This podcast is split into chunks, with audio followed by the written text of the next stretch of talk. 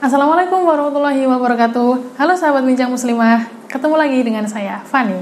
Di pembahasan kali ini kita akan membahas tentang apakah istri yang dicium oleh suaminya atau istri yang mencium suaminya itu membatalkan puasa. Hal ini uh, pernah dibahas oleh Aisyah radhiyallahu anha. Beliau pernah berkata bahwa Nabi Shallallahu Alaihi Wasallam pernah mencium sedangkan beliau sedang berpuasa dan beliau adalah orang yang paling dapat menahan nafsunya. Hadis riwayat Bukhari dan Muslim. Sekilas, hadis tersebut menunjukkan kebolehan seorang yang sedang berpuasa mencium suami atau mencium istrinya.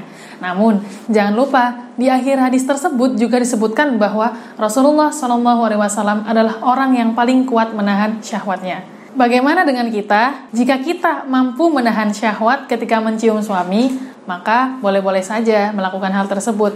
Namun, menurut saya lebih baik ditahan dulu sebagai bentuk kehati-hatian kita dalam menjalani ibadah puasa. Demikian penjelasan dari saya. Wallahu a'lam. Wassalamualaikum warahmatullahi wabarakatuh.